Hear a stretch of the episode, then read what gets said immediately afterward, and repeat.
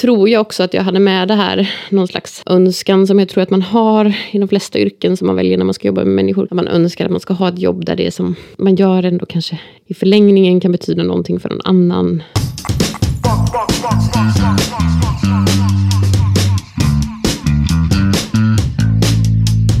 Hej! Du lyssnar på podcasten Akademiliv som är en podd från Salgrenska akademin, den hälsovetenskapliga akademin vid Göteborgs universitet.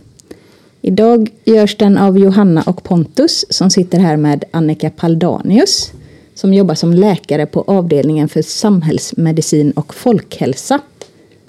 Men eh, hej Annika! Hej, hej.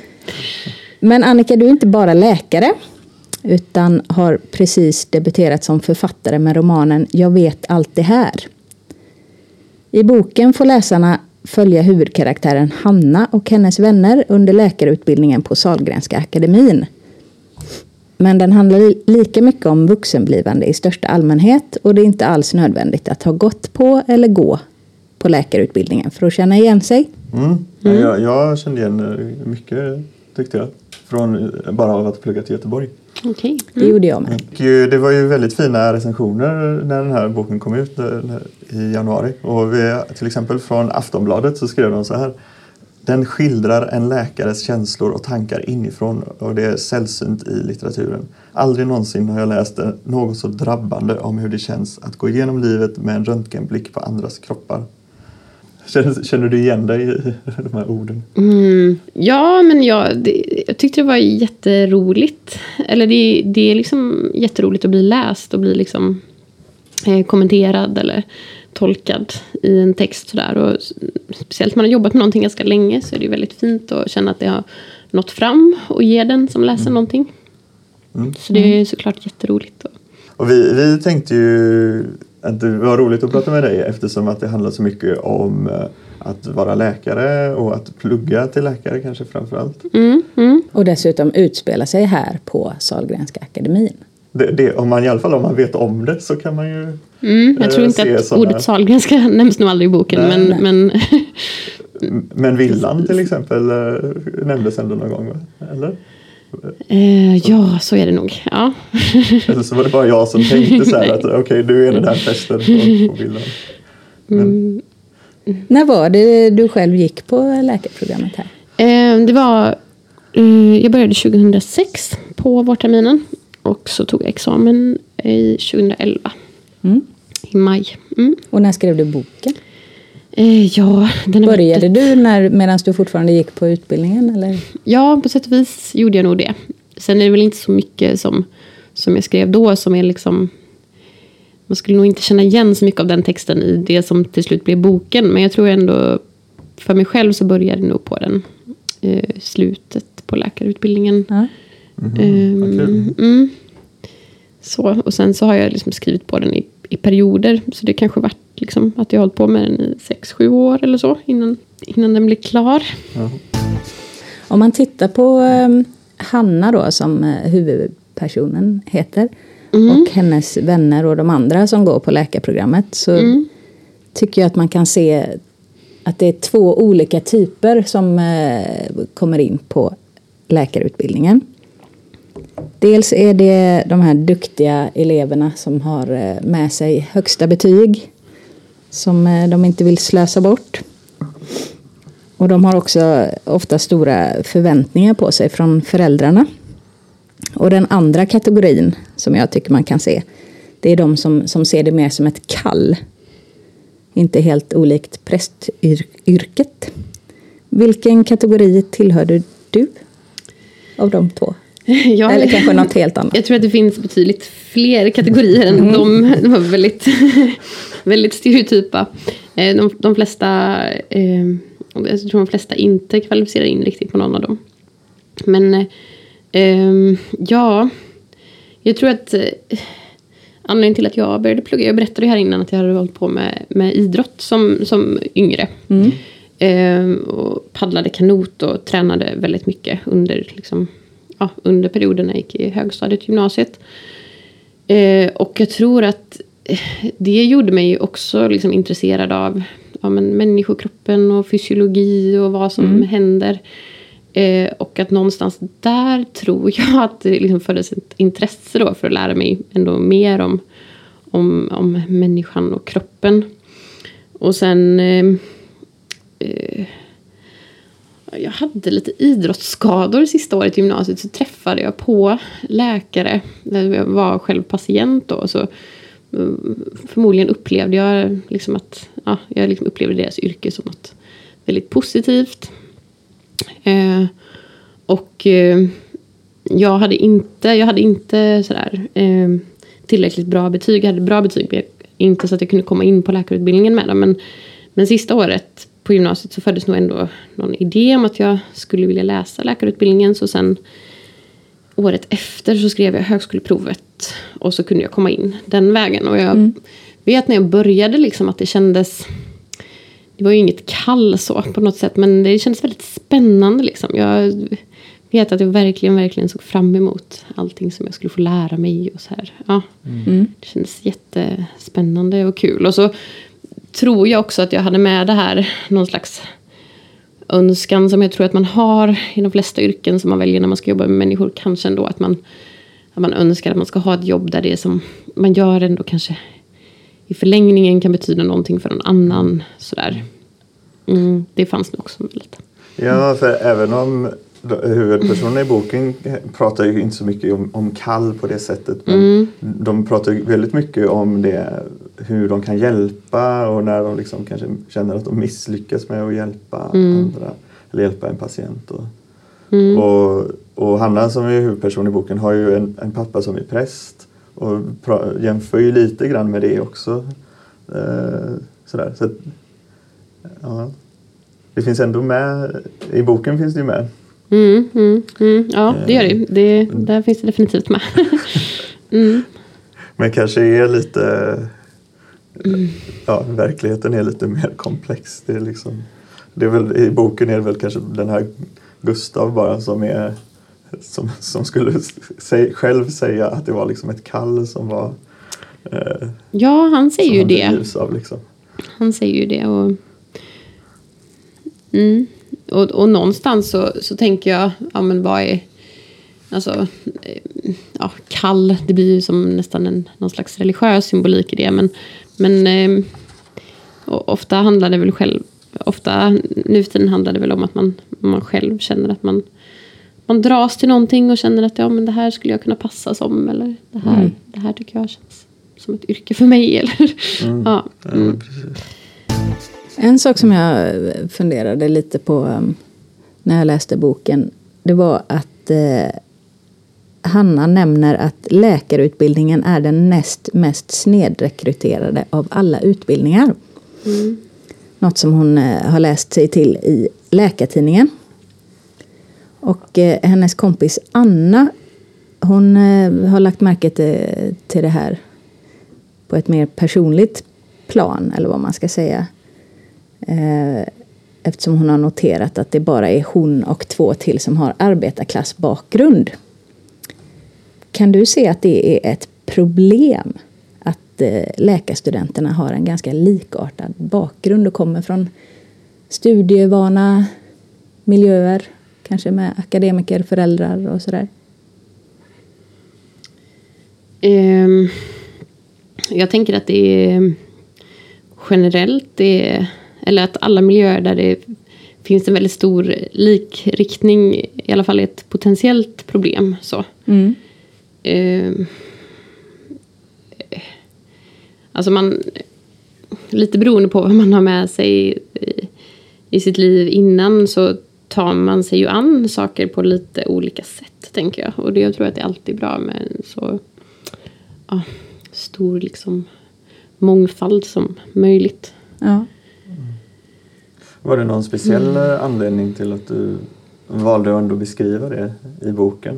Och, eh, Anna och Hanna fick vara lite två olika personer där. Och även Filippa, den tredje huvudpersonen, hade ju också en en tredje bakgrund kan man säga. Mm. Ja, jag vet inte om det var någon... Det, det är ju en ganska kort passage i, i, i, hela boken som nämner det här, men det var väl... Mm. Eh, ja, det kan ha varit att jag själv läste den här artikeln i Läkartidningen kanske och, och blev ja, jag vet inte, kände att jag ville ha med det i en kommentar. Men, men, eh, men sen tänker jag att det är ganska klassiskt också. Liksom, att, eh, att man märker ju ingenting av det så länge man tillhör liksom, eh, majoriteten liksom, i en, i en eh, i en väldigt homogen grupp så, så tänker man ju inte på det. Det är ju först när man, när man inte tillhör eh, den som man, som man reflekterar över att, att det är så. Mm. Eh, mm. Det pratas ju en del om eh, breddad rekrytering som man brukar säga. Eh, vad, vad, tycker du att utbildningen och, och i slutändan även patienterna skulle vinna på, på att det var en, en bredare bakgrund hos eh, läkarna? Uh, ja, uh, jag tänker att man skulle vinna...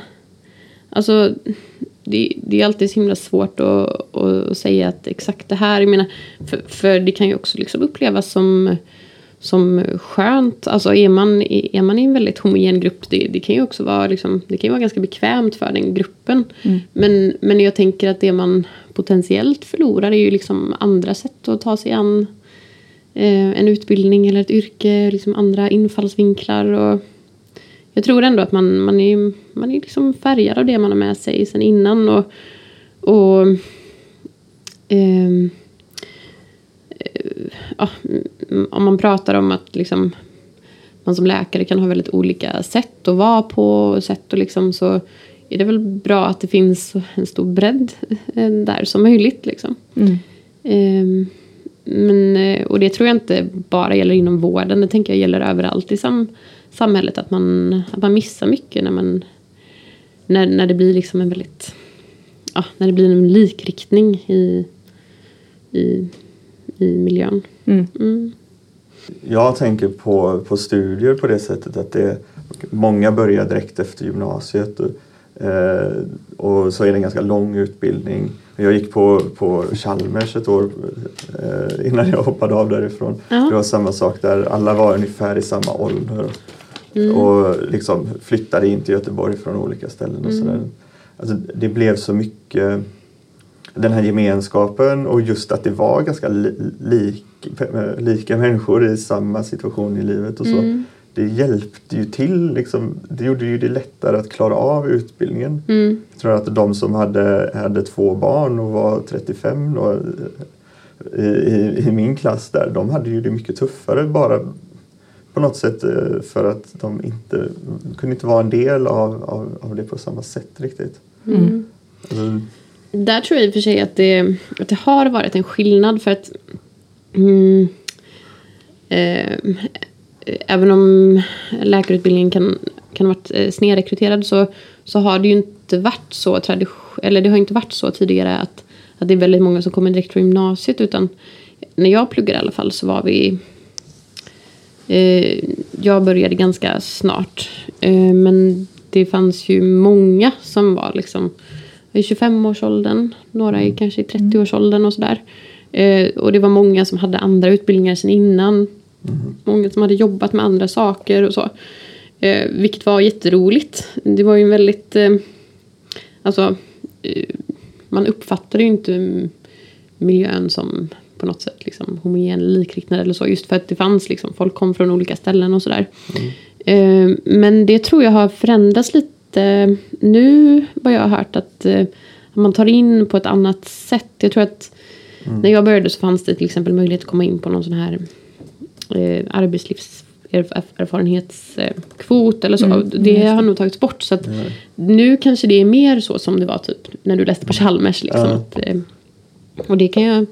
Och det, är nog, det är nog tråkigare att gå i en sån klass tänker jag. Mm. Alltså, det är kanske mest våra fördomar också om hur det Ja, men precis. Uh, ja, men nu, men nu kan nog de fördomarna kanske stämma lite mer. Um, eftersom att jag vet att man just har, har förändrat antagningssystemet. Men, mm. men när jag läste var det ganska många äldre studenter och så. Mm. Mm. Annars finns det ju också utbildningar där man har som krav att innan man får börja så måste man ha läst någonting annat eller jobbat några år eller sådär. Skulle det kunna vara Ja, jag en vet väg inte. att det, jag vet inte. Så har det varit med psykologutbildningen va? Man måste ha gjort någonting i ett år. Mm, så var det även när jag gick på journalisthögskolan. Ja. Men jag tänker det där året. Jag vet inte hur stor roll. Eller jag vet inte vad man tänker sig att man ska liksom få, få avklarat under det året. Som är. Eh, alltså varför man inte skulle få börja plugga direkt efter gymnasiet heller. Eh, jag ändå, tänker alla har ju inte möjlighet kanske att ta hur många år studiemedel som helst Nej, heller. det är också- blir Eller också studielån. Ja, men ehm, nej, men det, jag har svårt att se någon direkt anledning till att det ska vara så. För jag menar, eh, eh, det är ändå en väldigt lång utbildning och man hinner... Eh, eh, alltså jag tänker om, om man skulle tänka sig personlig mognad och så, så händer ju...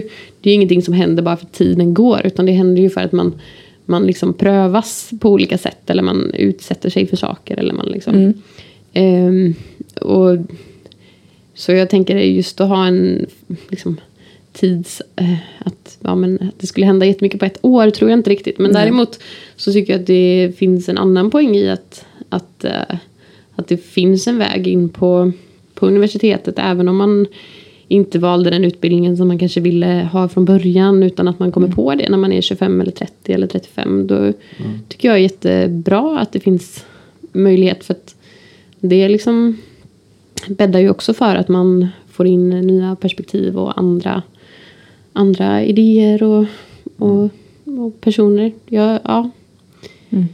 Ja, och i eh, boken handlar ju väldigt mycket om den här utvecklingen som sker hos eh, personerna. Och det är ju både deras liksom, personliga utveckling och deras professionella på något Mm. sätt. Och hur det går liksom lite så här hand i hand. Så, eh, då, eh, utifrån boken så är det ju mycket mer det som händer under utbildningen som, som ändå har betydelse sen och som, de funderingarna som de eh, har då och det som de lär sig under utbildningen och sådär. Så det, är- mm. Mm. Det, kanske, det kanske gäller alla utbildningar i och för sig men det känns ju som att det är ju verkligen sådär eh, något, en personlighets... eh, Ja, vad säger man? En resa. Eller att det, är en, det händer någonting om man pluggar till lärare, äh, läkare, tänker jag. Eh, ja, man... Nu, nu har inte jag läst så där jättemånga andra utbildningar. Så att, men, men, men det är klart, man, man utsätts ju för, för en del grejer som, som kanske ja, men, på något sätt tvingar de flesta personer i alla fall att reflektera över sin egen eh, dödlighet och sitt liv och så. Ja. Ehm, mm, det tror jag. Hur skulle du säga att det är nu när du väl är färdig läkare då? Eh, hur skiljer sig vardagen som läkare från vad du trodde? Eller hur du trodde att det skulle vara när du gick på utbildningen? Ehm, den skiljer sig nog inte så mycket från hur jag trodde det skulle vara. Jag tror att jag var ganska så... Ja. Ehm, alltså jag var nog införstådd med att det kunde vara väldigt olika beroende på var man, var man jobbar liksom och var man, ehm, var man hamnar. Ehm, Mm. Och nej, det är nog inte så mycket som jag har blivit chockad över. Utan eh, ja, det är som jag har tänkt mig. Mm. ja.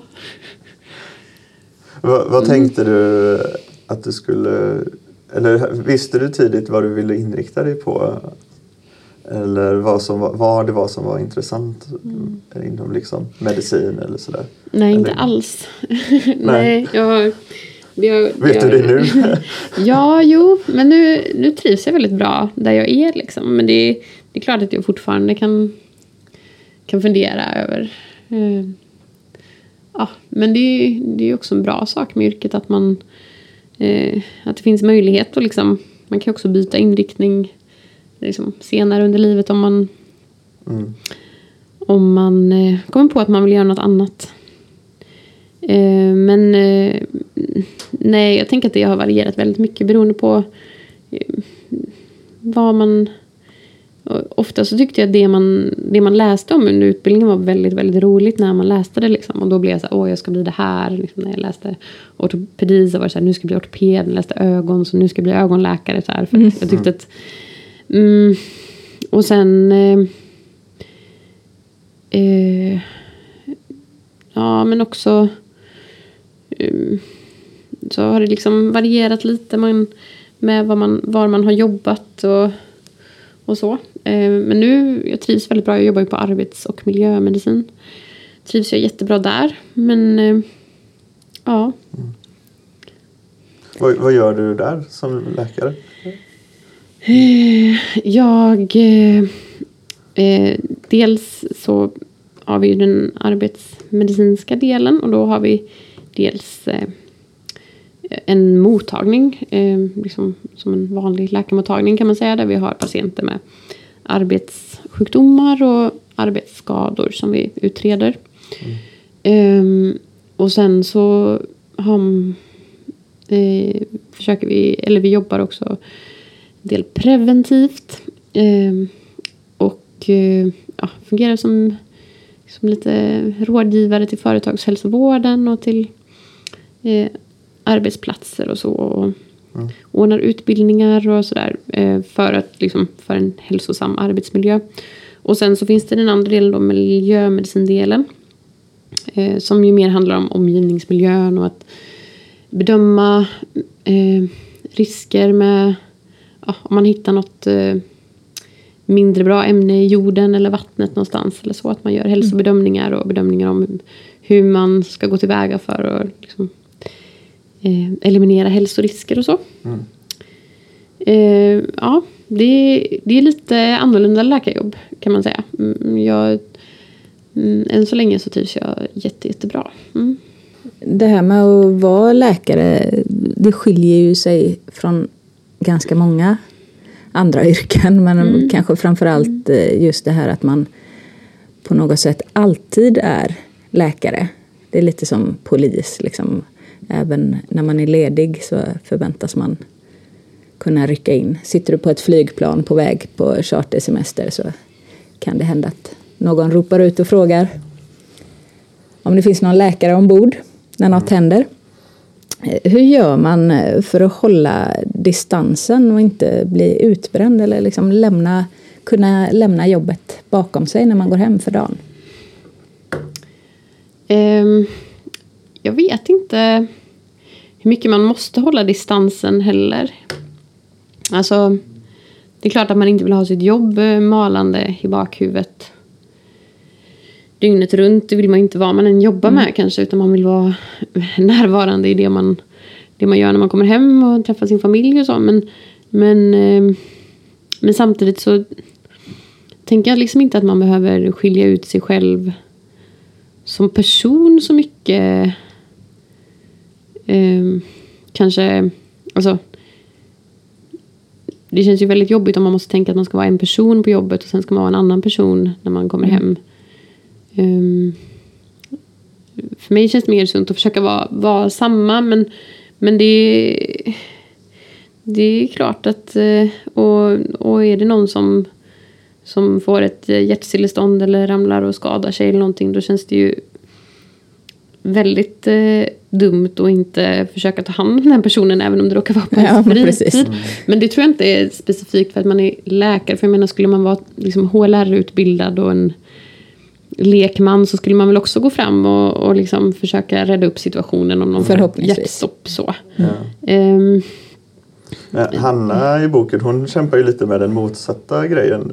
Eh, upplever jag att, att ibland när hon är eh, med, i ett möte med en patient mm. så vill hon kanske liksom gå fram och ge en kram eller bara göra något av det som hon liksom skulle mm. gjort med en kompis. Ja. Men så känner hon sådär, ja men det här kanske inte det är liksom inte korrekt utan nu ska man ge, räcka fram lådan med servetter istället ja. och så sitta och eh, still då liksom. Ja. Det, det kanske är åt det hållet som det kan bli som men, man anpassar sig istället. Ja, men just det tror jag handlar ganska mycket om att hon eh, liksom är student och som student så har man inte riktigt någon jättetydlig uppgift. Kanske när man träffar en patient. Utan ens uppgift är på något sätt att bara vara med och lära sig. Och då blir man väldigt... Eh, ja, man har ju liksom inte så mycket annat att erbjuda. Och då blir det liksom... Eh, har man, eh, har man liksom... Eh, kan man erbjuda lindring på annat sätt så tror jag att, eh, att, man, att man också kanske inte... Ja, man, man, jag tror att man reagerar lite annorlunda när man, när, när man har ansvar. Ja. Så att ansvar blir lite förlösande. Eftersom att man då liksom vet vad man ska fokusera på och man, man liksom kan... Man har liksom en, en mål och mening med, med ett samtal. Vilket man kanske inte har när man bara sitter med som student. Liksom. Och då är det ju... Då blir man ju väldigt receptiv för, för allt som händer och kanske mer också så emotionellt drabbad. Annars finns det ju en bild på något sätt av, jag tycker ofta när man pratar med kompisar och sådär att, eh, att eh, läkare anses som lite känslokalla. Medan man ofta lovprisar sjuksköterskorna som, man, som har tagit hand om en om man har haft otur och hamnat på sjukhus. Eh, är det en bild som, som ni märker av som jobbar med det? Eh, nej, nej, jag känner väldigt få, eller jag tror inte jag känner någon eh, läkare som jag tycker är känslokall. Så. Eh, men, men eh, just om man hamnar på sjukhus kan det ju kanske handla om att man eh, som läkare har man ofta ansvar för väldigt många patienter. Ja, jag tänker att som patient då så träffar man kanske läkaren några minuter. Precis. Och, medan sköterskorna är där hela tiden och kommer Ja. med mat och tröst och vad det kan vara. Ja, eh, hela tiden låter ju som ett Ja, det fint ideal. så eh, det, det är väl ofta lite underbemanning på sköterskesidan och så. Ja. Men, men, men man har ju väl ändå mer liksom eh, mer tid per individuell patient så eh, oftast på, på en vårdavdelning om man är sjuksköterska än, än läkaren. Och då är det klart att man att man kan uppleva att man ja, men det är ju också olika yrkesroller man har olika, olika funktioner. Mm. Eh, och det är klart att man upplever kanske att man får mer känslomässig feedback av den man träffar mer än, än av den som bara är där några minuter som du säger. Mm. Ja. Vi har eh, förstått att du eh, håller på och skriver på en ny bok. Kan du avslöja någonting om var den kanske kommer att utspela sig eller vad den handlar om? Ja, Jag, jag tror att jag håller på att skriva på, på något som kan bli en eller egentligen kanske fler böcker. Men eh, det är så svårt att, att, att, att prata om det så här. Ja, Man är rädd för att jinxa saker. eh, så, men, Men eh, hur hinner du undrar jag då? Ja, För du jobbar heltid. Ja, det gör jag. Ja. Eh, men eh, ja, men alltså jag, det, jag, det tog ju liksom sju år att skriva den här boken så att det är ju någonting som jag gör ja, När på en skriver du? ledig på en helg till exempel. Ja. Eller, eh, ja, Sitter du på kvällar och så också? Eller är det... eh, inte jättemycket. Eh, jag tycker efter jobbet så vill man ofta göra annat. Eh, sådär. Eh, inte sätta sig framför en dator alltid. Men ibland, det är klart, ibland får, får jag ett, liksom ett det är ju något slags behov man har. Liksom, vissa kanske har ett väldigt starkt behov av att dra ut i löparspåret. Eller och, ja, och jag har något slags behov av att sätta mig och skriva ibland. Så. Mm, Mm. Känns det som att du får du liksom inspiration från att vara läkare eller från så här patientmöten och sånt där? För som till den här boken så tänker jag att det, det händer väldigt mycket under studietiden och det händer mycket med en själv och, och man lär sig många nya saker och sånt där. Men det, finns det mycket att hämta liksom av, av, av jobbet eller av ditt yrke? Alltså den här boken, den är ju liksom, formen är ju väldigt, eh, väldigt eh, liksom, utgående från en, en liksom, sjukhus eller en läkarstudentmiljö. Så det är klart att eh, jag hade ju inte skrivit i den formen om jag inte hade om jag inte hade gått på läkarprogrammet tidigare. Men jag tror att jag hade ju ändå varit en skrivande person. Och det som jag skriver på nu eh, utspelas inte i någon sjuk, sjukhusmiljö. Jag tror jag känner mig ganska klar med det. Men kanske hämta alltså, människokännedom och sådär. Alltså, du jobbar ändå med människor och känner träffar dem i, kanske ibland i sårbara situationer och sådär. Mm. Ja, eh, ja man, man får veta mycket om, om andra människor när man arbetar som läkare. Och eh, jag, tänk, jag är nog väldigt noga med att människors integritet bevaras och skulle ju liksom inte använda någon historia rakt av. Sen är det klart att man, att man får liksom mycket inspiration från människor som man möter och liksom att det är, ja, men eh, både liksom människor som man möter professionellt och på sin fritid. Det är ju, Mm. ja, det är ju det som, det är ju det man har. så, ja. Tack så jättemycket för att du kom hit, Ja, Annika tack. Paldanius. Och eh, både jag och Pontus som har läst boken som alltså heter Jag vet allt det här. Vi kan verkligen rekommendera den. Ja, verkligen. Tyckte jättemycket om den. Mm. Jag gillade allt med hennes formen och miljöerna då eftersom att du har pluggat här i Göteborg. Och språket. Och, eh, ja, och de här personerna som man ändå lär känna lite grann. Det, ja, jag tyckte att det var, det var kul att läsa om dem. Mm. Vad roligt att höra. Det var jättekul att komma hit och prata med er. Mm. Och du har alltså lyssnat på en eh, podcast från Sahlgrenska akademin, Göteborgs universitet. Vi finns bland annat på iTunes, Soundcloud och andra ställen där du hittar poddar. Kontakta oss gärna med frågor och tips.